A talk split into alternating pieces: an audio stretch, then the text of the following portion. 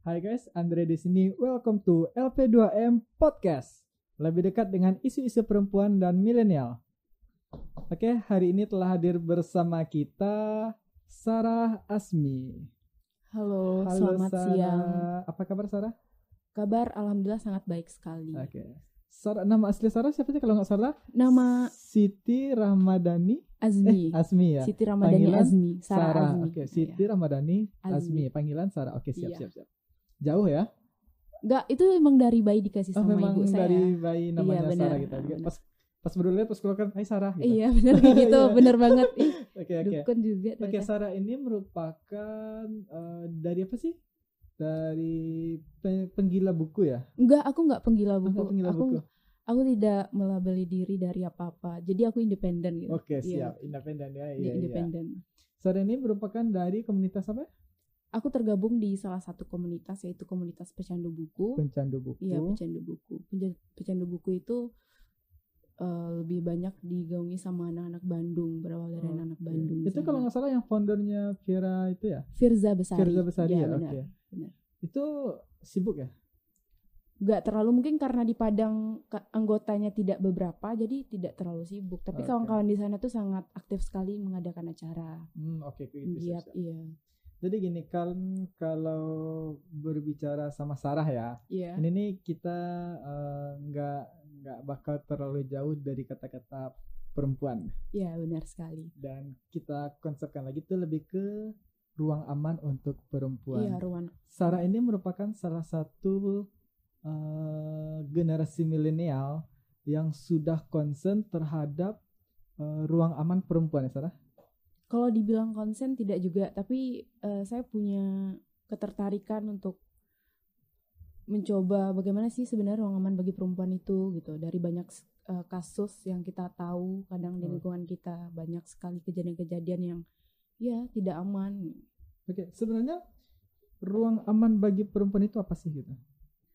Menurut saya ya, ruang aman bagi perempuan itu eh, ruang publik yang ruang publik ini diciptakan untuk laki-laki dan perempuan gitu. Jadi eh, ruang aman itu tercipta ketika tidak ada gangguan. Seringkali kalau perempuan keluar malam itu dikatakan kenapa sih eh, perempuan keluar malam ya ya iyalah dilecehin gitu. Ya kan ruang publik diciptakan untuk bersama gitu. Bagaimana kita tidak saling menghargai saja yang hal-hal seperti itu. Dan ruang aman bagi perempuan itu perempuan tidak merasa risih ketika dia keluar, ketika ketika dia beraktivitas gitu.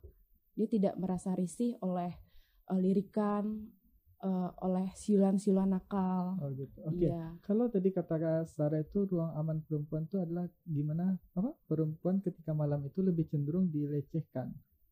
Oke, kalau siangnya berarti Eh, dari banyak survei siap. membuktikan bahwa siang itu Iya, juga siang. Uh-uh, ternyata benar. banyak kasus loh yang Iya. bahkan yang baru-baru terjadi itu ada begal payudara ya di Kota Padang benar, sendiri benar. itu udah Mm-mm. banyak dengan beberapa modus eh, ada si A dan si B terus ada si perempuan Iya. si A seolah-olah nanya ke perempuan terus tiba-tiba ada si B yang Hmm. mensergap ya Iya, benar, mensergap benar itu sekali. eh, bagaimana sih si shocknya perempuan ketika kena begal payudara gitu Itu sangat-sangat bikin trauma yang hebat ya bagi si korban, bagi Hmm. perempuan. Karena dia berjalan saja dengan baik lalu mendapat perlakuan seperti itu apalagi udah punya anak juga kan? Waktu itu dia Iya, lagi ah, ya betul. itu kan sesuatu yang sangat membuat perempuan sangat trauma. Jadi di mana-mana perempuan rentan, rentan untuk mengalami kejahatan yang seperti itu. Oke, sebenarnya kalau kita juga berbicara tentang ruang aman bagi perempuan, itu kan sebuah ruang ya gitu. Maksudnya Iya. ruang yang bagaimana sih yang bisa dikatakan aman untuk perempuan dan laki-laki ya? Oke, gimana? Kalau saya ceritain eh, nyatanya aja ya. Iya, Waktu itu saya sekolah di SMP Frater. Iya. SMP Frater ini kita tidak memakai hijab, bahkan cela- bah- bahkan memakai rok pendek gitu. Iya. Nah, di sana memang benar-benar tidak ada yang kita merasa nyaman karena ling- karena lingkungan sekitar kawan-kawan tidak ada sikap-sikap yang eh, pencabulan, guru-guru yang sangat menghargai. Kan banyak sekali tuh betul. di luar sana eh, ketika perempuan memakai rok pendek selalu merasa risih karena eh, lirikan yang sangat eh, membuat resah berbentuk pelecehan gitu. Oke, tapi kan itu ketika SMP ya. Iya, Nah, SMP itu katakanlah mungkin untuk secara naluriah ya, si dari pelaku atau pihak dari pihak laki-laki berapa sih umur anak SMP paling saya juga sekitar- SMA juga. Ah, iya, SMA, SMA saya juga, juga. memakai rok pendek Oke. sekolahnya. Jadi memang memang apakah sedikit kasus di lingkungan Sarah atau gimana? Sama sekali tidak ada. Jadi ketika saya berada di lingkungan sekolah itu benar-benar merasa nyaman dengan eh, pakaian kami yang pendek yang kayak eh, minoritas dari kawan-kawan di Kota Padang. Ya. Lalu saya juga pernah mengalami ketika di luar dari lingkungan itu sendiri sekolah saya, misalnya lewat dari sekolah yang lain, terus Ya. kayak langsung lirikan itu kayak saya merasa gitu kawan-kawan, iya, mulai perempu- kayak perempuan itu sebuah mangsa ya. iya, Oke oke. mm-mm, benar. Jadi Jadi Hah? ruang aman itu ya diciptakan bersama-sama perempuan dan laki-laki. Perempuan dan laki-laki harus bisa menciptakan ruang aman itu sendiri. Salah satu kenapa bisa diciptakan karena saling menghargai, saling menghargai gitu. oke oke. Nah, Iya, ruang aman diciptakan oleh perempuan dan laki-laki iya benar. saling menghargai. Saling Nah, menghargai. untuk eh, ruang aman gitu, eh, ada pagi, siang, sore, malam gitu. Apakah ruang aman itu menentukan eh, waktu atau time tertentu gitu? tidak Tidak berarti malam. Apakah itu bisa dikatakan ruang bisa ada ruang aman? harus harusnya Iya, iya, harusnya, harusnya ada. Tapi ada. tapi nyatanya di di eh, kenyataan sekitar kita malam itu adalah malam waktu-waktu yang sangat krusial bagi perempuan gitu. benar. Nah, bagaimana eh, kita sebagai dari kalau kalau ini Andrea sebagai seorang laki-laki, Iya. bagaimana Sarah yang dari perempuan menyikapi untuk kejadian yang ruang aman untuk perempuan di malam hari gitu? Sebenarnya itu tergantung dari dua individu antara perempuan dan laki-laki ya. Iya. Eh, ketika perempuan beraktivitas di malam hari, ya kenapa laki-laki tidak saling menghargai saja? Karena emang ruang publik diciptakan untuk bersama gitu. Jadi tidak ada eh, malam eh, harus eh, lebih rentan gitu, Iya. eh, memposisikan perempuan tidak boleh keluar. Itu kan sebenarnya tidak sangat tidak adil untuk perempuan. Dan laki-laki kenapa laki-laki dibolehkan untuk keluar malam, aktivitas malam dan perempuan tidak? Kenapa gitu? Tapi kan eh, perempuan itu memiliki kecenderungan untuk menjadi korban daripada laki-laki. Apakah perempuan mau menjadi korban? Oke, nah kalau kalau ruang aman ya, maksudnya sebagai fak- faktor dari ini dari perempuan ya gitu. Faktor yang yang menentu bukan menentukan sih yang menyebabkan dia menjadi seorang korban itu apakah dari berpakaian atau seperti apa aja gitu. Apakah dari dari dari dari gaya dia bersikap atau apa itu juga bisa menyebabkan eh, gangguan gangguan ya bagi laki-laki iya. itu. Ada loh. Jadi laki-laki itu ada yang eh, mengalami sebuah penyakit ya. Soalnya itu Andre pernah baca beberapa artikel ketika dia mendengar suara perempuan yang sedikit gimana gitu dan si laki-laki itu bisa menimbulkan hasrat yang yang nggak lazim gitu. Nah itu tuh ada sebuah penyakit gitu. Nah dari si perempuannya itu bagaimana menyikapi gitu? Eh, jadi bang, saya itu kan beraktivitas malam. Iya. Saya menjaga kedai itu dari jam 6 sore sampai subuh. Bukan Hmm. berarti saya tidak mendapat gangguan. Ada beberapa kali pernah saya mendapat gangguan berupa cackling. Oh, iya? Iya benar.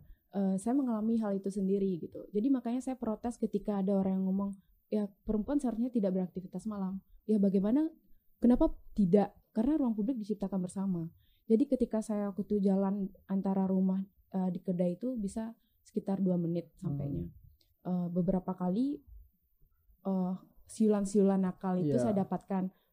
Eh, pertama, kedua, dan ketiga saya biarkan. Tapi saya mulai merasa tidak nyaman gitu dan saya tidak bisa mempertahankan ketidaknyamanan itu Iya, sendiri. betul. Maka saya berusaha untuk berkomunikasi dengan orang tersebut. Saya menegur, menegur mungkin karena saya lingkungannya di pasar, saya menegur dengan cara yang lumayan tegas. Eh, ya, kenapa kayak gitu gitu? Eh, kenapa harus eh, tidak sesopan itu? Ya akhirnya dia minta maaf, Eh, minta maaf lalu besoknya dia tidak melakukan hal yang sama. Karena mungkin dia berpikir oh ternyata nggak semua orang bisa digituin. Oh ternyata yang gue lakuin ini salah gitu. Dan di depan rumah di depan rumah saya itu uh, ber- bertepatan dengan kos-kosan uh, laki-laki ya. Oke. lalu beberapa kali bolak-balik terus dia udah mulai siul-siul saya mencoba lagi untuk mengkomunikasikan. Saya tidak nyaman kalau misalnya abang kayak gitu ya. Misalnya kalau manggil saya tanya nama saya siapa nama saya Sarah tanya saya mau ke mana baik-baik jangan kayak gitu saya merasa nggak nyaman gitu itu kurang ajar namanya Iya betul Iya. betul. Nah jadi berarti salah satu poin yang bisa kita ambil ya itu kalau teman-teman perempuan diganggu sama pria atau cowok ya udah bilang aja gitu ngapain sih gangguin gue gitu Mm-mm. lu kalau memang mau nanya-nanya ke gue yaudah tanya nama gue nama gue Sarah nama gue Andre misalkan Iya, gitu Oke. kayak itu lebih sopan lebih Iya. jelas tujuannya apa daripada siulan-siulan yang kita nggak tahu yang dipikirkan lawan jenis kita itu Iya, apa betul. gitu. itu udah Iya. termasuk pelecehan verbal ya iya teman-teman iya. benar. Dan- Nah. dan tidak semua perempuan loh kawan-kawan bisa berani untuk mengambil tindakan yang seperti itu. iya betul. Jadi seharusnya eh, laki-laki pun sadar ketika perempuan mulai tidak nyaman dengan sikap-sikap yang seperti itu dia harus menghentikan gitu. Dia harus mulai sadar kenapa eh, ga- kenapa dia harus mengganggu apa sih kepentingan dia untuk mengganggu. Sedangkan kita sama-sama manusia yang diciptakan untuk menikmati Saling- ruang publik ini bersama dan gitu saling melindungi juga iya ya saling melindungi Oke, ini buat teman-teman ya, jangan gangguin perempuan terus gitu. Mungkin perempuan yang gangguin laki-laki. Oh enggak enggak enggak ada dong. juga Oh, ada, juga, ya? ada juga Oke. jadi bang pelecehan itu tidak korbannya tidak hanya perempuan laki-laki juga sering mendapat pelecehan Oh iya? Iya benar sekali. Oke. Ketika saya bilang, ih abang ganteng banget sih, gitu. Itu termasuk pelecehan ketika iya, iya, iya, iya, aku benar. pernah dengar itu. Iya. Jadi itu termasuk salah satu pelecehan terhadap benar. laki-laki Iya. ya. Eh, pelecehan verbal itu Iya, iya. namanya. Terus Iya. Ada lagi eh Andre pernah dengar tuh, eh, misalkan ada perempuan ngomong, ih laki-laki kok nangis gitu. Itu sebenarnya nggak boleh loh. benar itu Iya, nggak boleh. Kan Tuhan menciptakan air mata tuh katakanlah untuk dikeluarkan. Kenapa ketika laki-laki menangis itu oh ya, yang boleh nangis itu perempuan nggak boleh laki-laki gitu. Itu, tuh kan ketimpangan gender ya. Ketimpangan gender Iya, ya. Ketimpangan gender. Ke, ke salah satu dari bentuk ketidaksetaraan gender sih Iya. di sana gitu. Bagi saya perempuan dan laki-laki itu memiliki kesedihannya masing-masing ya kenapa tidak gitu. Iya, oke. oke. Oke, eh, Sarah, sebenarnya eh, pemicu dari adanya kejadian pelecehan itu apa aja sih? Menurut saya itu tidak berpatokan kepada pakaian ya, Bang. Iya. Karena ini sih- ini dari eh, dari pihak eh, Sarah sebagai perempuan dan sebagai laki-lakinya. Iya benar, Oke. benar. Itu sudah onani sejak dalam pikiran gitu. Oke. Jadi Bentar-bentar apa? Onani semenjak dari sejak dalam pikiran ya Oke. udah kotor dari Iya, iya, pikirannya iya, iya, sendiri iya. kan. Ah. Iya. Memang sih. eh, Iya, Nah, heeh. bukan saya ya. Ya misalnya kayak gini, eh, misalnya saya pakai celana pendek, Iya. terus abang ngobrol sama saya dan kita emang dua orang yang sama-sama menghargai tidak akan ada Ya, pelecehan itu. kita gitu. kita care aja Iya gitu benar, kan. Iya. Tapi ketika ada satu pihak yang lihat si perempuan pakai celana pendek, nah, ya kan, itu udah jahat ya menurut itu saya. udah iya sih Iya. maksudnya Tetapi itu tidak masalah bagi sebenarnya pe- permasalahan itu adalah ketika eh, abang atau saya merasa terganggu ya, baru itu Iya. bisa dikatakan kejahatan. Misalnya kalau kita berteman terus abang siul dan saya merasa tidak lecehkan itu tidak masalah. Hmm, oke ya. Kalau kita temanan, Misalnya eh, jadi permasalahan itu timbul ketika saya atau abang merasa tidak nyaman gitu.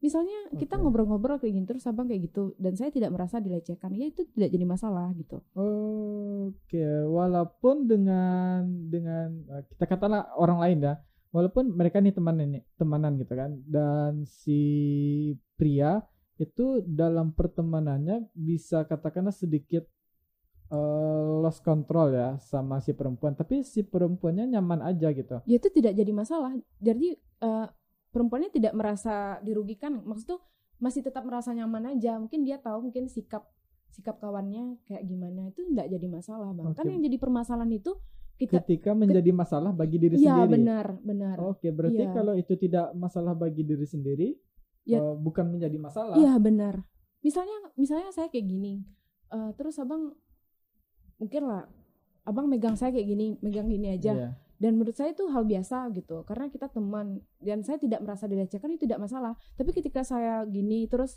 abang pegang dan saya merasa terganggu saya bisa protes saya berhak untuk protes Ya, permasalahannya kan saya nggak tahu eh, Sarah merasa terlecehkan atau enggak gitu.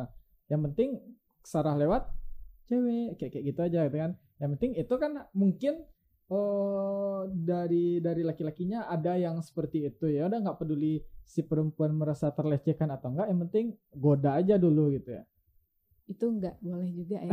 ya gitu. nggak boleh kan ya pastinya nggak boleh gitu Iya. jadi sebenarnya itu kita sebagai laki-laki perempuan kita ciptakan ruang aman kita sendiri saling menjaga dan saling melindungi Benar, jangan benar sekali. teman-teman eh, ya udahlah kan kita selalu menjustifikasi kalau perempuan itu bisa menjadi korban laki-laki pelaku padahal enggak gitu padahal eh, itu tuh sama-sama bisa jadi korban sama-sama bisa jadi pelaku Eh, perempuan dan laki-laki itu berpotensi untuk menjadi korban gitu. oke Me- Menjadi korban dan menjadi pelaku. ya menjadi korban Iya, dan benar dulu. sekali.